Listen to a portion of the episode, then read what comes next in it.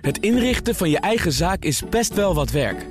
Daarom biedt IKEA voor Business Netwerk 50% korting op interieuradvies. Word gratis lid en laat je werkplek voor je werken. IKEA, een wereld aan ideeën. Boardroom Panel. Ondanks de vele belangstelling zit KPN vooralsnog niet op buitenlandse investeerders te wachten. En bol.com is 750.000 euro kwijt nadat oplichters een rekeningnummer hadden gewijzigd. Dat en meer bespreek ik in het Boardroom Panel. En daarin zitten deze week Jeroen Verkouteren, specialist op het gebied van overnames en fusies. Uh, verbonden aan factorbedrijfsovernames. En Tanja Nagel, bestuursvoorzitter van DSI, commissaris bij onder andere EY Nederland, PNO Consultants en Uncode. Welkom, fijn dat jullie er allemaal zijn. Goedemiddag.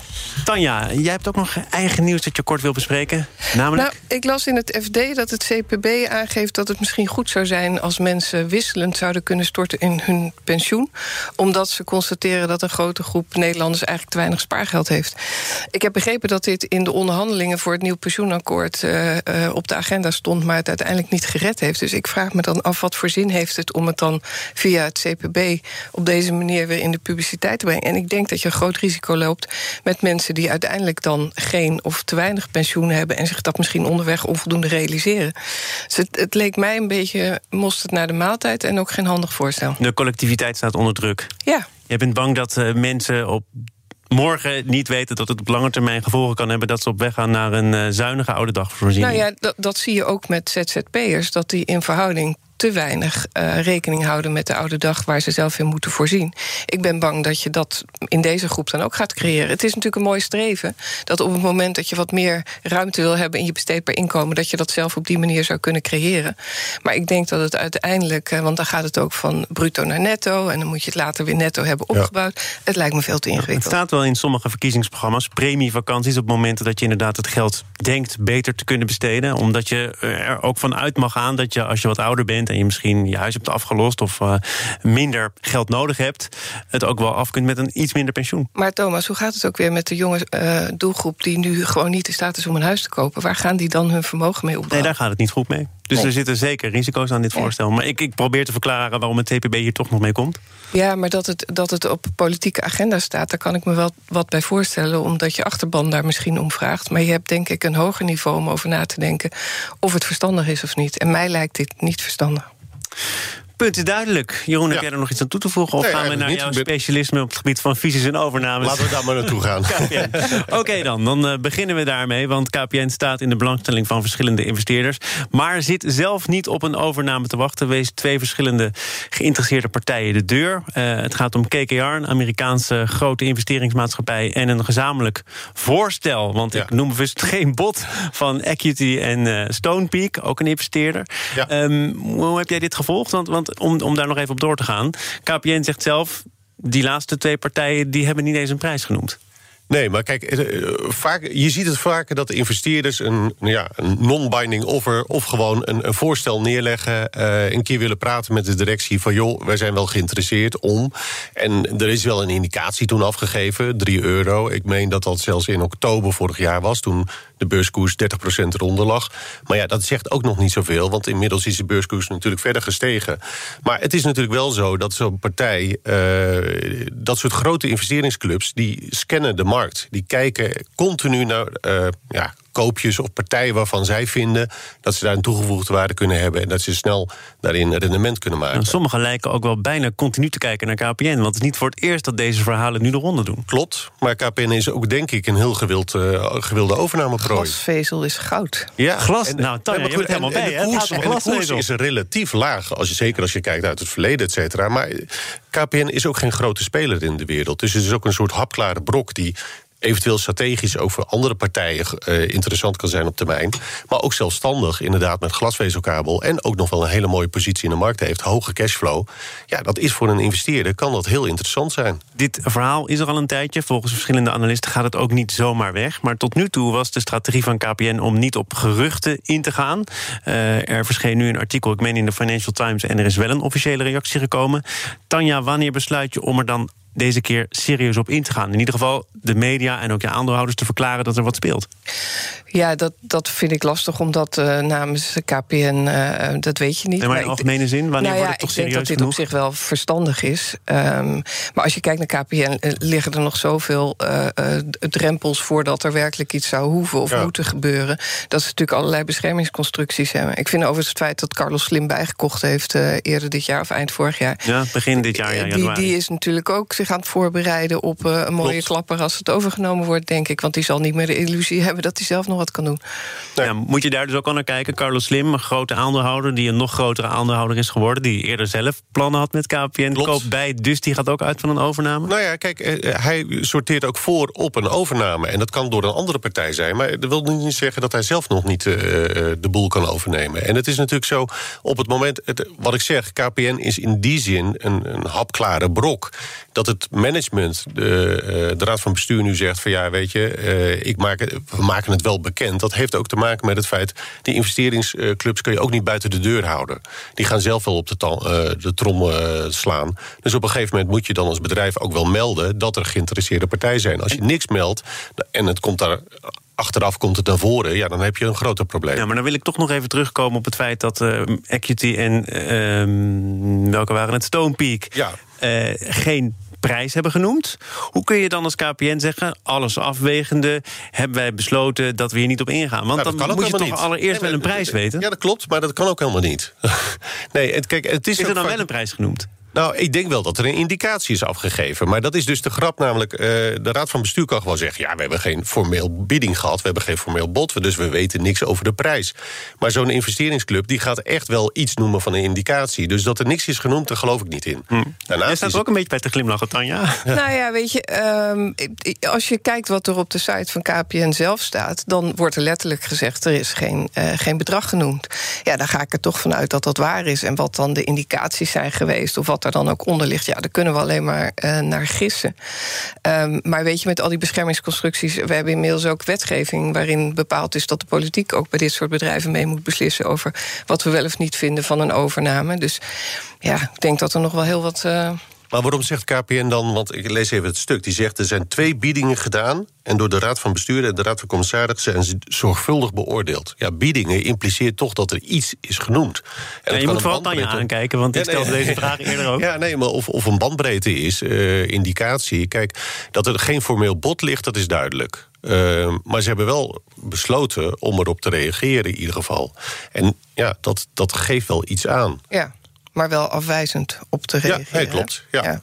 In hoeverre is KPN een, een hapklare brok? Want uh, Tanja, jij wijst natuurlijk terecht op allemaal beschermingsconstructies. Het feit dat de politiek hier ook een belangrijke rol in speelt. Dus je kunt wel zeggen, ja, het is misschien aantrekkelijk geprijsd. Een kleine markt. Uh, je hoeft er niet de hoofdprijs voor te betalen wellicht. Maar voordat het van jou is, ben je inderdaad nogal wat, uh, wat hoepels doorgesprongen. Ja. Um, ja, dus zo hapklaar is het, denk ik niet. En de afweging zoals ik het lees, die de Raad van Bestuur... ongetwijfeld in samen uh, in overleg met de Raad van Commissarissen uh, heeft gemaakt... is het feit dat ze net een nieuwe strategie hebben uitgerold... Uh, waarvan Q1 goed verlopen is. Ja, daarvan zou je kunnen zeggen, nou, hapklaar weet ik niet... maar kennelijk wel heel interessant. En dat zal de reden zijn waarom partijen... ondanks die hoepels waar ze doorheen moeten... toch weer een poging wagen. Ja, dit is dus een hap waar je nog in kunt verslikken, Jeroen. Ja, maar dat kan je in elke hap. Ja. Jawel, maar goed, ik, omdat nee, er nog zoveel bij komt kijken. Nee, maar dat is natuurlijk wel zo. Er zijn verschillende beschermingsconstructies. Het is ook een essentieel bedrijf binnen uh, de Nederlandse staat. Dus kijk, het is niet 1, 1, 2, 3 geregeld. Maar kijk naar KLM, dat is uiteindelijk ook overgenomen. Dus het kan wel. Uh, en de vraag is... Ja, is overgenomen, ja? Ik dacht dat het een ja, fusie was. Ja, oké, okay, maar daar hebben, we het ook al vaker over, daar hebben we het ook al vaker over gehad. Hier. Nee, maar kijk, het is natuurlijk dat KPN... Uh, als ze echt uh, een, een, grotere speler willen worden... dan zullen ze echt miljarden moeten investeren. En de vraag is of ze Gaan dat ze ook doen, hè? Met, met ja, AWP onder andere. Ja, klopt. Maar de vraag is of dat voldoende is. En ja, weet je, net als met KLM... kan je niet KPN scharen onder de grotere der aarde in, in communicatieland. Het, het FD heeft ook een commentaar gewijd aan deze hele situatie. En schrijft, en dat wil ik even aan jullie voorleggen. Beter zou het zijn dat Equity en KKR kleur bekennen en hun plannen publiekelijk presenteren. Ze moeten namelijk niet alleen het KPN-bestuur, dienst aandeelhouders, maar ook de Nederlandse politiek overtuigen. En misschien kan de toezichthouder, de AFM, deze partijen stimuleren dat nu ook maar eens te doen. Zou dat iets schelen, denk jij, Tanja? Zou dat een slimme zet zijn? Nou, volgens mij stond daar ook in dat ze daarmee via de band uh, toch proberen invloed uit te oefenen uh, op die aandeelhouders. Ja, klopt. Ja, dat snap ik volkomen. Weet je, als je niet rechtstreeks via uh, de Raad van Commissarissen daar terecht komt, ja, dan moet je het rechtstreeks bij de aandeelhouder zoeken. Maar die, ja, die afweging, ik weet, ik heb nog niet eerder meegemaakt dat de politiek zich hierin die rol heeft toegeëigend. Dus ik weet nog niet zo goed. Ik vind het wel interessant. Dat is, een bijna gedachte-experiment. Stel ja, dat dat wat er dan zou gebeuren. Ja. Zou je, zou je die partijen daartoe kunnen aanzetten? Of als je nog verder gaat uh, kunnen dwingen om die plannen openbaar te maken?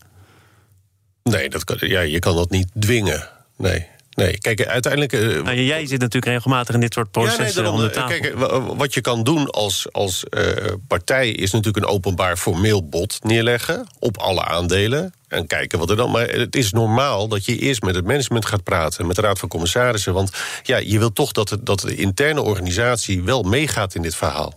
En als zij zeggen nee, dan zie je, dan zie je ze wel een terugtrekkende beweging. Dat wil niet zeggen dat het nu van het, het bord af is. Maar het is wel zo dat ja, op dat moment, als het management echt keihard nee zegt. Ja, dan moet je natuurlijk als, als overnemende partij toch even afvragen: wat ga je dan nu doen? En. Uh, ja, dan kan je natuurlijk de politiek wel gaan inschakelen. Maar ja, ik zie dat niet als een. Nee, nee. Tanja, tot slot, in algemene zin. Uh, de barbaren staan aan de poort, om maar weer eens een uh, cliché erin te slingeren. Uh, en misschien blijven ze daar wel, of misschien heb je ze even kort verjaagd. Maar KPN is al heel lang een prooi, wordt al heel lang in de gaten gehouden. Dat heeft natuurlijk ook gevolgen voor medewerkers, voor hoe erover na wordt gedacht.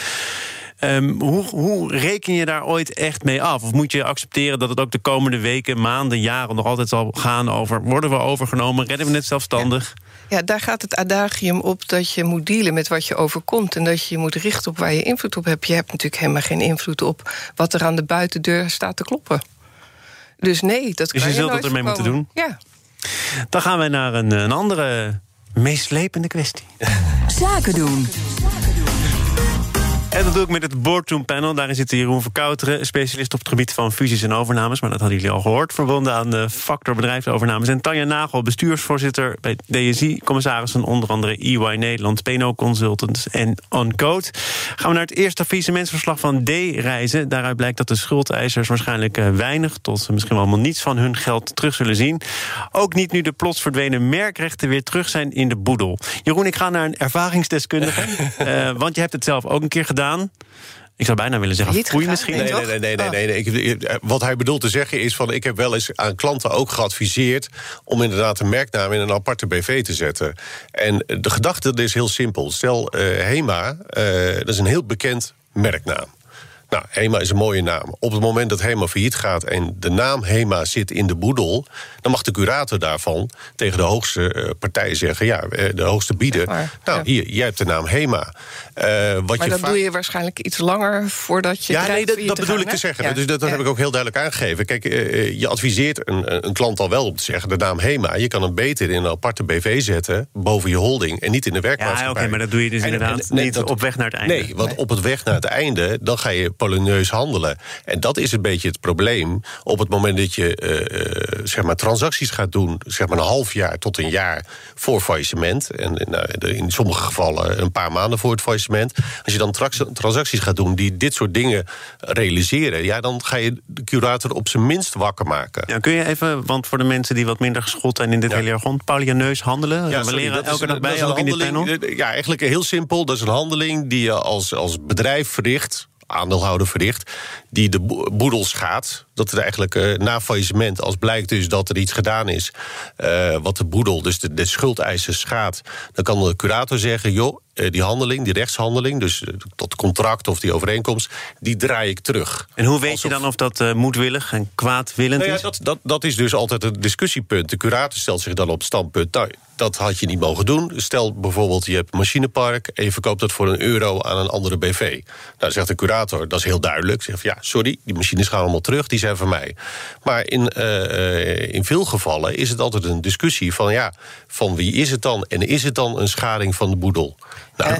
En hier in deze casus lijkt het onderdeel te zijn ook een beetje van die management buyout, hè? Klopt. Ja. En dan, dan is het ook een beetje gek dat die directie dan opeens iets met die merkrecht uh, gaat doen. Ja, op, nou, op zich is het wel logisch dat ze dat gedaan hebben. Alleen het is, uh, want ze hebben een buy-out gedaan, in management buy-out. Ze hebben het gekocht van de aandeelhouders. En vervolgens hebben ze, denk ik, gelijk die merknaam apart neergezet.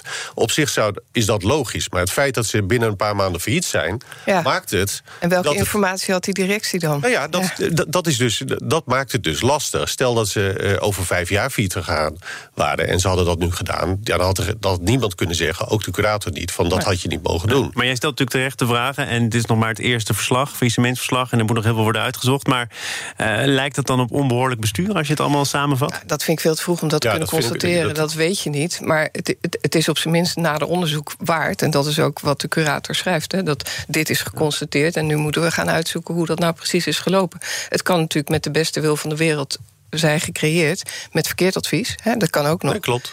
Eh, maar dat moet wel nader uitgezocht worden. Voor een deel gaat het ook om, om nieuwe onderzoeksterreinen. Ik, ik heb het ook nog even bekeken, maar er moet worden nageplozen wat er is gebeurd met vouchergelden, terugbetalen van NOE-subsidies. Het, heeft, het heeft dus ook veel te maken met eh, corona en nieuwe regelingen die er tot voor kort niet waren. dat maakt het er niet eenvoudiger op Dat is absoluut waar. En dat is ook wel een van de dingen die gaat spelen in de, de komende jaar met faillissementen. Kijk, wat er gebeurt is normaal eh, de, de, de overheid, zeg maar de Belastingdienst, is een preferente crediteur. Die gaat boven de andere schuldeisers. Nou, dat betekent dus dat hij eh, als eerste betaald krijgt. Eh, in het coronajaar zijn heel veel sociale lasten, nauwregelingen ontvangen, et cetera. Nou, die, eh, die pot met geld die via de overheid is ontvangen, die is veel groter geworden. En daar waar je vroeger drie maanden eh, achterliep met je, met je belastingen, lopen dat soort bedrijven twaalf maanden achter. Dus die claim van die overheid is zo groot, en dat is hier ook het geval, dat de normale schuldeisers niks gaan krijgen. Maar is het niet zo dat, de- dat de, de overheid er ook eh, over nadenkt om die claim te laten vallen? Nou, dat heb ik nog nergens gelezen. Wat Nee. ik wel. En niet in het geval van D-reizen, maar wel als het gaat over belastingsschulden... om dat eh coulanter te behandelen? Ja, maar wel ja, maar dan bij kleinere. Ja, eh, maar ik zou me kunnen voorstellen dat je ergens, een, een, een- zoals in dit geval, hè, er zijn 300 relatief kleine schuldeisers, behalve Ja. TUI, ehm, dat je toch iets gaat doen met de verhouding tussen eh, particulieren, die hiermee eh, in verhouding voor de particulier individueel veel geld verliest, ten opzichte van die ene grote belastingdienst die preferent is.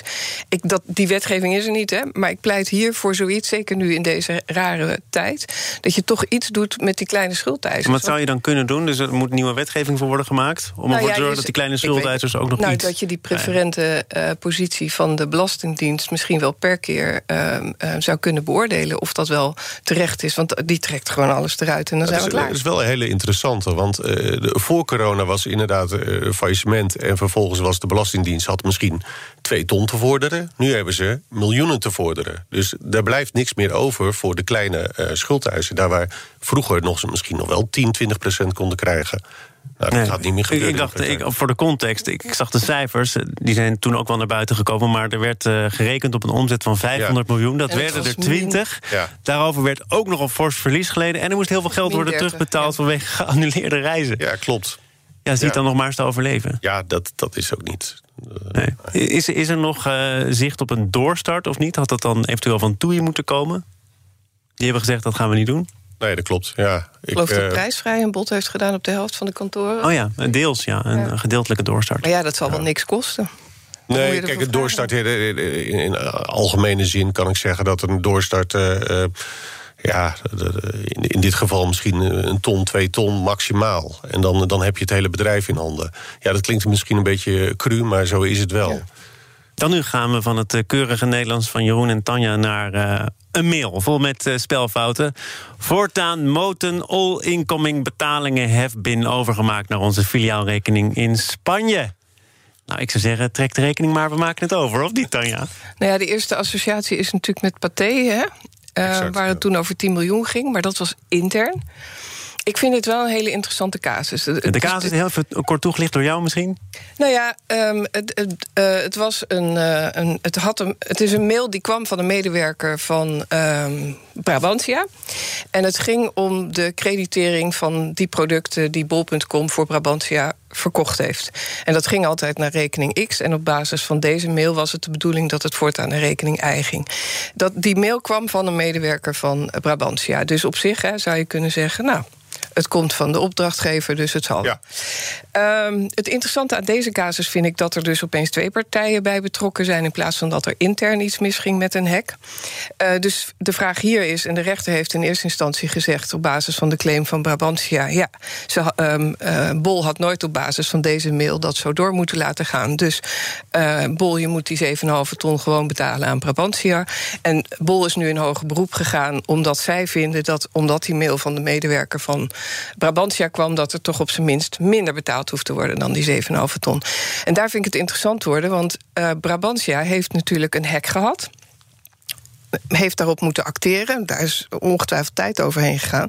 Maar de vraag is natuurlijk: is daar um, schuld bij Brabantia te vinden waarom het inderdaad logisch is dat Bol minder betaalt? Ja, ja dus de, de, hack, het feit dat daar een hack heeft kunnen plaatsvinden, zou je kunnen zeggen, dat is de verantwoordelijkheid van Brabantia. Zijn zij nou later geweest dan dat zou kunnen. En ik moet eerlijk zeggen, het is aan de, aan de lopende band aan de orde, hè, dit soort hacks. Dus daar moeten wij ook mee leren omgaan.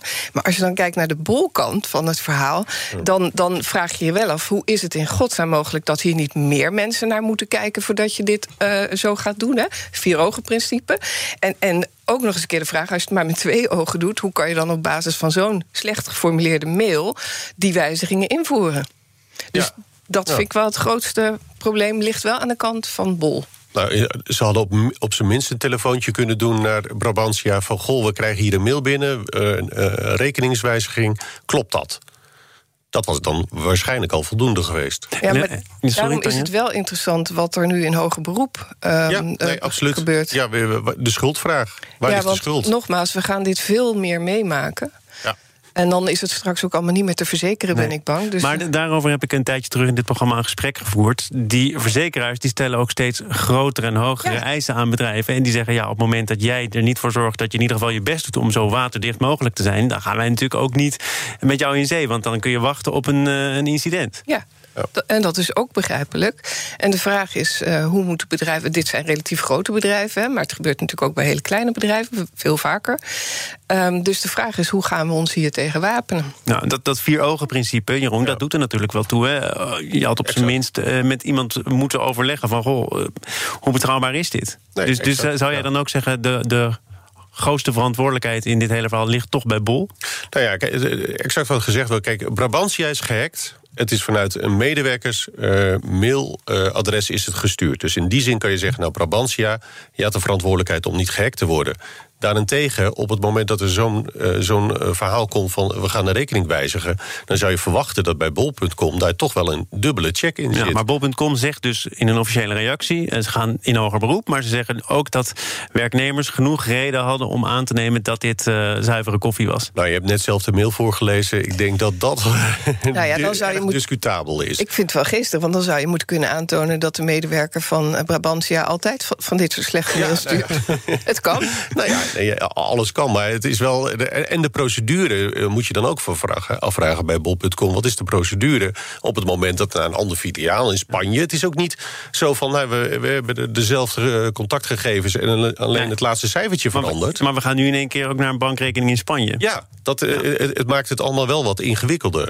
En, en hoe breng je dit nu ook onderling tot een goed einde? Want ik uh, zag alweer een reactie van Brabant. Ja, we willen de goede relatie met bol.com toch absoluut behouden. Ja, er is natuurlijk ook wel sprake van een zekere machtsverhouding misschien wel. Hè? Je kunt bol.com ook niet helemaal afschrijven als Brabantia. Ja, dat, dat is eh, ter beoordeling van beide partijen hoe ze daarmee om willen gaan. Maar ik kan me best voorstellen dat je de relatie en het zakelijk conflict, conflict uit elkaar kan houden. Ja. Um, maar voor bol.com heeft het misschien ook een reden waarom ze in hoger beroep gaan. Het, het feit is, ze hebben natuurlijk veel meer van dit soort klanten. En het, als dit uh, doorgang vindt, als Brabantia dus niet aansprakelijk is, maar bol.com, dan moet bol.com dus daar ook behoorlijk wat aan gaan doen ja. richting zijn andere partijen. Ja, ook die kleine. Het lijkt wel het uh, uh, WWFT-verhaal bij banken straks.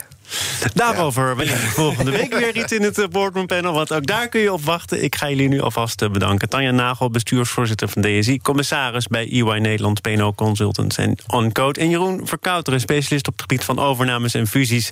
Verbonden aan factorbedrijfsovernames. Dank voor jullie komst. Zometeen hoor je waarom investeerders steeds meer warm lopen voor supermarkten.